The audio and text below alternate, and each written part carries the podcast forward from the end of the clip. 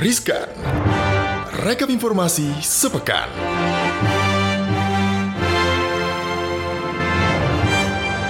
Hai Sobat Cuan, kita langsung aja nih diriskan rekap informasi sepekan ada gue Alin. Dan ada gue Gibran tentunya. Kita akan bagikan semua atau sejumlah informasi yang tentunya menjadi sorotan publik selama satu pekan ini. Betul, hari ini ya, hari Jumat tanggal 24 Juli. Oke, Ah, minggu ah. depan ada tanggal merah tuh di hari Jumat.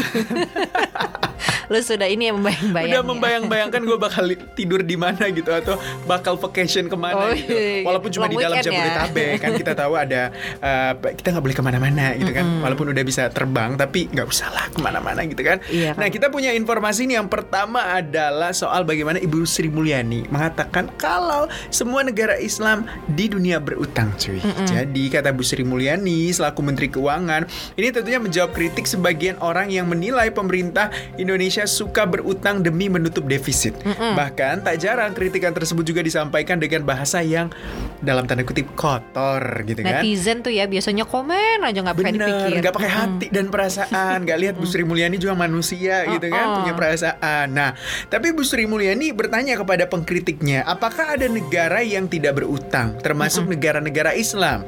Faktanya, menurut Bu Sri Mulyani, semua negara di dunia, termasuk negara Islam juga berutang untuk mengelola negaranya. Jadi Bu Sri Mul juga menjelaskan kalau adanya pertanyaan tentang bagaimana tanpa harus berhutang dengan memanfaatkan sumber daya alam Indonesia yang melimpah ruah.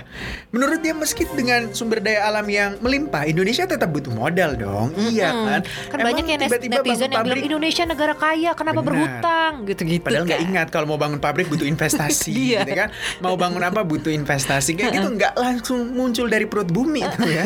Keluar emasnya tiba-tiba ada Harus di hadapan diolah Nggak dulu, mungkin. Kak. Harus diolah, harus dilakukan eksplorasi tentunya. Jadi eh, Bu Sri Mulyani juga mengatakan hal yang sama. Kalau sumber daya alam itu dikeruk tetap membutuhkan modal. Karena masyarakat kita itu sensitif kalau membicarakan soal utang dengan nada benci. Jadi bisa saja nih kita debat, tapi jangan sampai dengan kata kasar. Harus tetap Jadi- sopan kalau kata Bu Sri. Bener, menurutnya Kritis ada boleh gitu Iya ya. bener, kritis itu boleh asal dengan fakta dan data. Betul. Gitu nggak asal sotoy gitu kan. Uh-uh. Nah jadi ada prioritas pemerintah dalam membangun negara. Apakah dari sisi pembangunan manusia atau ingin membangun infrastruktur hingga alutsista, kemudian dengan cara eh, itu resource apa gitu, pajak atau bukan pajak atau termasuk utang. Ini harus dikelola dengan transparan. Jadi harus melihat semua aspek kata Bu Sri ah, Mulyani. dan juga kalau menurut gue nih Gip adalah kalau misalnya lo mau nyinyir tentang Indonesia banyak utang, Indonesia banyak utang, lo jangan pakai mindset utang tuh kayak utang kita pribadi gitu. Bener. Utang negara tuh berbeda, konsepnya. berbeda. Jangan sampai mengkritik tapi nggak tahu soal obligasi. Itu lebih parah lagi. Apalagi kalau duduk di kursi. Hmm, gitu ya. Jadi ya sobat cuan ya kita berharap sobat cuan gitu melek investasi, terliterasi secara Bener. financial dan ekonomi juga gitu bahwa hutang negara itu ya memang untuk kebutuhan produktif. bener. Dan sekaya-kayanya kita, sumber daya kita gitu, ada minyak lah, ada apa segala macam, itu ngolahnya gimana? Betul sekali. itu untuk kemaslahatan ke depan Ah, gitu ah, kan. Jadi betul. investasi saat ini itu nggak akan di serta merta juga dirasakan saat, Saat ini juga. ini. Tapi mungkin Tapi 20 jauh ke 30 tahun ke depan. depan generasi selanjut kita akan merasakannya. Seperti itu Seperti itu. Nah, yang kedua, ini ada juga nih Gip. Mohon maaf, pemerintah tidak akan umumkan update corona lagi.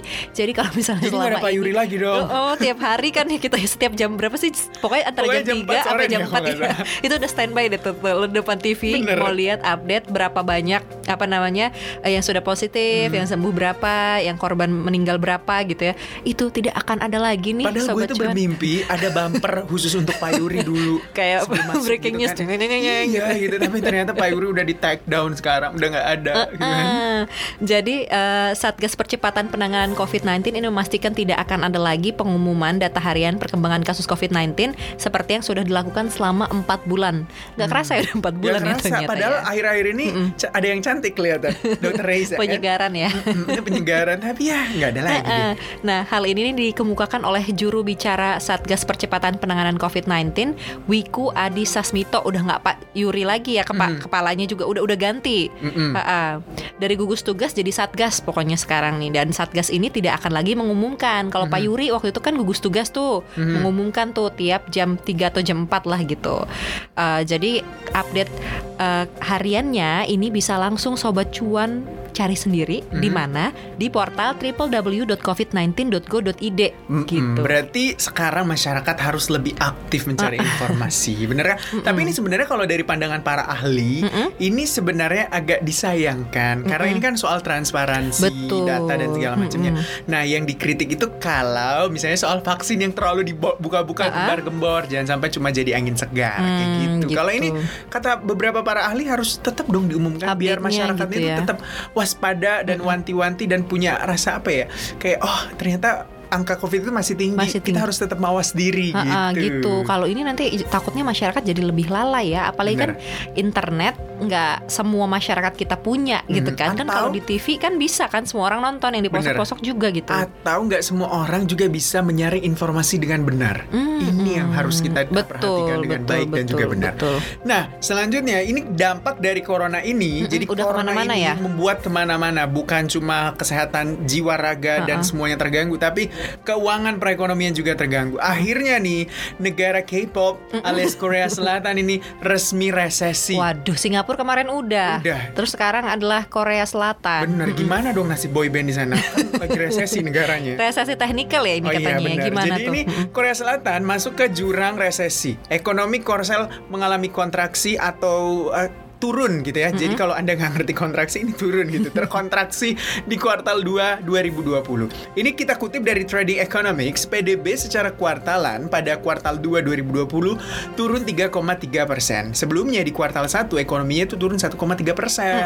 Nah, jadi ekonomi terbesar keempat di dunia ini juga memasuki resesi teknis dengan kontraksi terburuk sejak 1998. Ekspor barang dan juga jasa anjlok tentunya 16,6 persen. Padahal ekonomi dari Korsel ini bergantung atau sangat Pada bergantung sama itu, ekspor ekspor barang barang. dan juga jasa.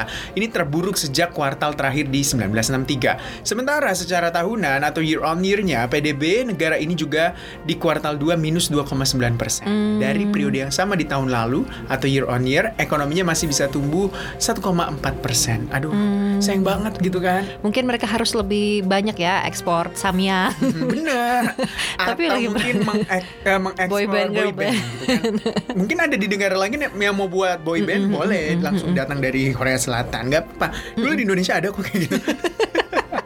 ada ya di ala-alain Korea ya. Ada beneran. Nah, ngejiplak gitu. Nah ini ini ada beberapa berita sih terkait berita ini yang heboh nih. Wow. Nah, ah, ini, Ini berita selanjutnya ya maksudnya ya. Iya benar. Ini me- apa namanya? Menarik perhatian Menarik publik. perhatian publik di jagat maya. Benar. Gitu kan di in- eh, di Instagram, di Twitter, awalnya benar. di Twitter. Karena selama ini ini seems like uh, ada berada di dekat kehidupan kita. Seems like jadi financial advisor Anda. Every day you pasti buka Instagramnya. ada kan? gitu ya karena ilmu-ilmunya juga bermanfaat sebenarnya Benar. gitu tapi Gip ternyata nih ada eh, sekitar puluhan lah ya klien Joska yang ngaku ini juga rugi puluhan eh, juta Wow. karena dananya dikelola sama Joska. Nah ini nih artikel dengan judul ngaku rugi puluhan juta klien Joska teriak ini menjadi salah satu artikel yang paling diba- banyak dibaca Wow. di cnbcindonesia.com dan berita ini juga viral ya ke mana-mana Hmm. tuh kalau kita lihat banyak yang screen capture nih berita ini gitu. Mhm. Memang garis besarnya adalah memang ada beberapa eh, klien Joska yang Membuat- membocorkan Benar. gitu, Bahkan membuat thread di Twitter. Uh, uh, gitu kan. mengadu bahwa uh, mereka mengalami kerugian yang cukup besar gitu ketika dana mereka dikelola oleh Joska. Mhm. Kemudian beritanya berkembang lagi nih Mhm. menjadi pertanyaan apakah Joska itu adalah financial advisor atau manajer investasi? investasi. Nah. Karena itu beda-beda tuh beda ininya, beda juga peraturannya kan beda juga Mm. perizinannya nah kalau sebelumnya mengatakan dia adalah financial advisor Ha-ha. tapi kan ada aduan dari klien yang memperlihatkan bahwa dia juga melakukan praktek manajer investasi Mm-mm. seperti itu. Padahal kan sebelumnya dia uh, Joska ini menolak gitu dikatakan melakukan praktek manajer investasi gitu kan. Nah sampai sekarang berita tentang Joska ini masih bergulir nih karena uh, masih ada update-nya. Kalau Hmm. di cnbcindonesia.com sendiri ini di- dijadiin satu ini sendiri Topik gitu ya? topik sendiri tentang uh, Joska. Jadi Hmm. kalau misalnya sobat cuan pengen tahu nih update-nya kayak gimana, langsung aja ke cnbcindonesia.com. Nah, kalau yang terbarunya nih yang hari ini Mhm. update-nya adalah bahwa Satgas Investasi Bodong itu terima 80 aduan soal Joska sejauh ini. Oke, gitu. dan juga rencananya katanya OJK mau memanggil Joska Mm-mm, juga kan untuk gitu. meminta keterangannya Mm-mm. seperti apa nantinya ke depannya. Kita sem- sem- eh, sebenarnya berharap semoga ini ada jalan keluarnya gitu kan, Mm-mm. nggak ada yang diuntungkan dan nggak ada yang dirugikan. Jadi semuanya sama-sama enak sebenarnya Betul. gitu kan. Kalau misalnya clear gitu ya. Benar, harus clear semuanya. Karena kan kita tahu sebenarnya berinvestasi tujuannya apa? Cuan, Bos. Betul, Gitu bukan kan. boncos ya. Benar, bukan boncos. Siapa yang mau boncos Nah, ini? Walaupun ini eh, di sosial media pribadinya ya, eh, CEO-nya Joska tuh sudah mengeluarkan statement gitu. Namun nampaknya banyak yang belum puas. Benar. Karena statementnya itu tidak menyelesaikan masalah. B- tidak menjawab pertanyaan-pertanyaan dari masyarakat gitu Benar terkait sekali. status Joska nih apa, Mhm. lu ngelola uangnya gimana, kenapa lu beli saham itu, gitu-gitu deh banyak. Iya banyak. Mm-mm. Anda penasaran langsung buka ya Instagram yang terkait gitu Uh-uh. kan. Cari aja sendiri dan Atau kalau lihat semuanya. mm-mm, kalau mau update-nya boleh ya dicek Jangan lupa cek di www.cnbcindonesia.com dan juga tentunya Anda bisa itu bisa dibuka via gadget Anda tentunya mau Mm-mm. iOS mau Android semua Mm-mm. Anda bisa lakukan Bisa. itu. Kemudian juga di Instagram Benar. @cnbc Indonesia, di Instagram @cuap underscore cuan, terus juga di Spotify ya podcast benar kita, di Apple Podcast dan juga di Google Podcast. Semuanya informasi menarik soal ekonomi dan juga bisnis Anda bisa dapatkan secara banyak dan juga Secara tentunya banyak. secara transparan semua Dan ada di sana. berimbang, Berimbang gitu. tentunya kita selalu menghadirkan informasi yang berimbang. Itu dia tentunya Untuk pekan ini ya. Untuk pekan ini itu dia riskan di pekan ini. Nanti kita akan update kembali apa yang menjadi riskan di pekan Pekan depan. depan. Kita pamit dulu ya. Saya Gibran. Saya Alin. Terima kasih. Sampai jumpa.